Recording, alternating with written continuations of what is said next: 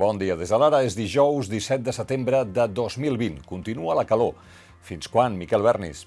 A l'oest la baixada de temperatures començarà a notar demà, però a la costa ben bé fins diumenge no serà perceptible.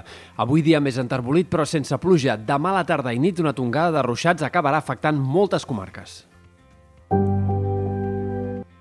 Dia important pel president Torra. El Tribunal Suprem celebra avui una vista en què estudiarà el recurs del president contra la sentència que el va condemnar a any i mig d'inhabilitació per desobediència perquè no va acatar l'ordre de la Junta Electoral Central de retirar a temps i en període electoral una pancarta i uns llaços grocs en favor dels presos polítics. El Suprem ha de decidir ara si confirma la inhabilitació, tal com sol·licita la Fiscalia. Sembla que el Tribunal no comunicarà avui, quan acabi la vista, què decideix, sinó que farà, ho farà públic un cop es dicti la sentència. El president avui anirà a Madrid, estarà assegut entre el públic, però no intervindrà perquè només ho poden fer els seus advocats que invocaran el dret a la llibertat d'expressió i al·legaran la desproporció que suposaria cessar un president per negar-se a retirar una pancarta. Mentre, mentrestant, avui és notícia el debat al Parlament, on tots els grups parlamentaris, amb l'excepció de Ciutadans, van explicitar de manera més o menys vehement que són partidaris d'anar a les urnes immediatament. També Esquerra. El president va replicar sobre aquesta qüestió això, per exemple, a Miquel Iceta. Vostè m'ha demanat eleccions, senyor Iceta. Miri, pregunti als pares i mares que estan portant els seus nanos a l'escola que si la seva gran preocupació ara són les eleccions a Catalunya. Pregunti als autònoms que s'han quedat eh, sense subsidis, pregunti als comerços que han tancat, a la gent que està treballant als hospitals de Catalunya, als mestres que estan iniciant el curs, pregunti a tots aquells que no estan cobrant, que no estan cobrant l'ERTO o que l'ingrés mínim vital vés a saber quan el cobren, si la seva gran preocupació són eleccions a Catalunya. Des d'Esquerra, així el va contestar el portaveu Sergi Sabrià. No podem permetre que el Suprem ens deixi un govern decapitat, sense rumb, afablit. No podem ser electoralistes i pensar en la reconstrucció d'un partit, perquè tots sabem que quan hem anat bé és quan hem anat junts, que quan ens hem posat d'acord és quan el país ha avançat. Parlant de tribunals i independentistes, l'exdiputat de la CUP, Antonio Baños, va declarar ahir davant el jutge per haver-se negat a respondre a Vox durant el judici del procés als presos polítics. Va argumentar que ho va fer perquè el feixisme no pot entrar a cap institució. I el grup de treball sobre detenció arbitrària vinculat a Nacions Unides ha replicat a Espanya que la resolució que va adoptar el 2019, en què demanava la llibertat dels presos independentistes, és vàlida. Però mentre l'Estat combat l'independentisme a Madrid, l'independentisme vol fer política al Congrés. Si la predisposició d'Esquerra era coneguda, va permetre la investidura de Pedro Sánchez a canvi de la taula de diàleg, ara Junts per Catalunya també fa el pas, no només els quatre diputats del PDeCAT, sinó els vuit membres del grup escollits al 10N. Així ho va manifestar ahir la portaveu al Congrés, Laura Borràs, que, acompanyada de Ferran Bel, del PDeCAT, i després de reunir-se amb la vicepresidenta espanyola Carmen Calvo, va garantir la unitat dels vuit diputats en la possible negociació amb la frase «hem de fer política». Us recomanem la crònica de la nostra corresponsal a Brussel·les, Júlia Manresa Nogueres, que va ser testimoni del discurs de la presidenta de la Comissió Europea, Úrsula von der Leyen, eh, davant de l'Eurocambra. Cap gran novetat, diu la corresponsal, però sí una vella conclusió. La Unió necessita més competències.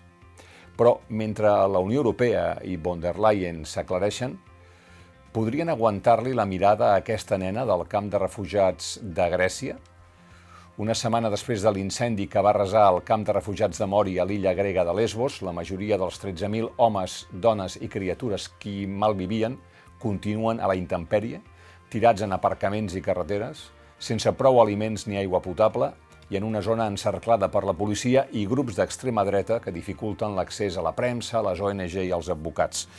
Diuen des de Metges Sense Fronteres, per exemple, eh, que la seva clínica han vist malalts crònics que han perdut la medicació, criatures de pocs dies exposades tot el dia al sol i sense prou menjar, i sense prou menjar i aigua, les mares no poden alletar els nadons.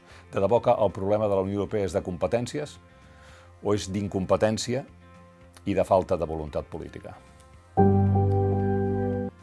A Catalunya, només un de cada 200 col·legis té algun grup confinat. Hi ha 27 escoles afectades, 126 positius entre alumnes i professionals i 801 persones en quarantena al tercer dia de curs. I un aclariment des del Departament de Salut, només s'han d'aïllar de manera preventiva els infants pendents dels resultats que s'han fet una PCR perquè són sospitosos ja sigui per haver estat en contacte amb algun positiu o per tenir símptomes.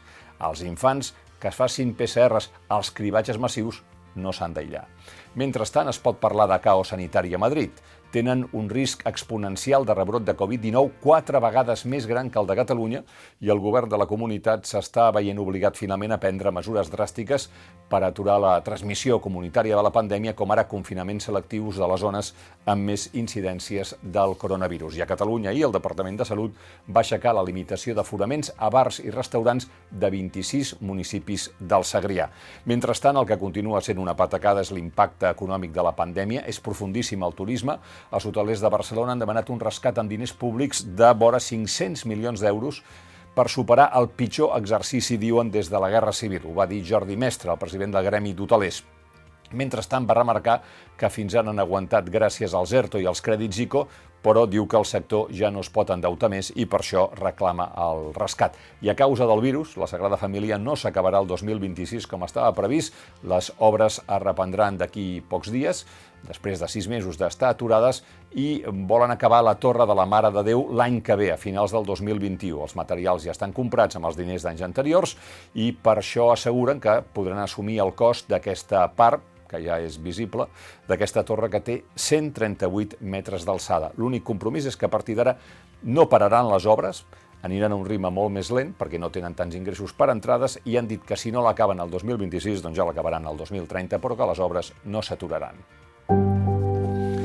Expliquen l'Àlex Fontmanté i l'Albert Martín que la data d'avui passarà la petita història financera de Catalunya i d'Espanya perquè els Consells d'Administració de CaixaBank i Bànquia es reuniran per aprovar la fusió de les dues entitats. La nova CaixaBank serà el primer banc minorista d'Espanya i la desena entitat més gran d'Europa.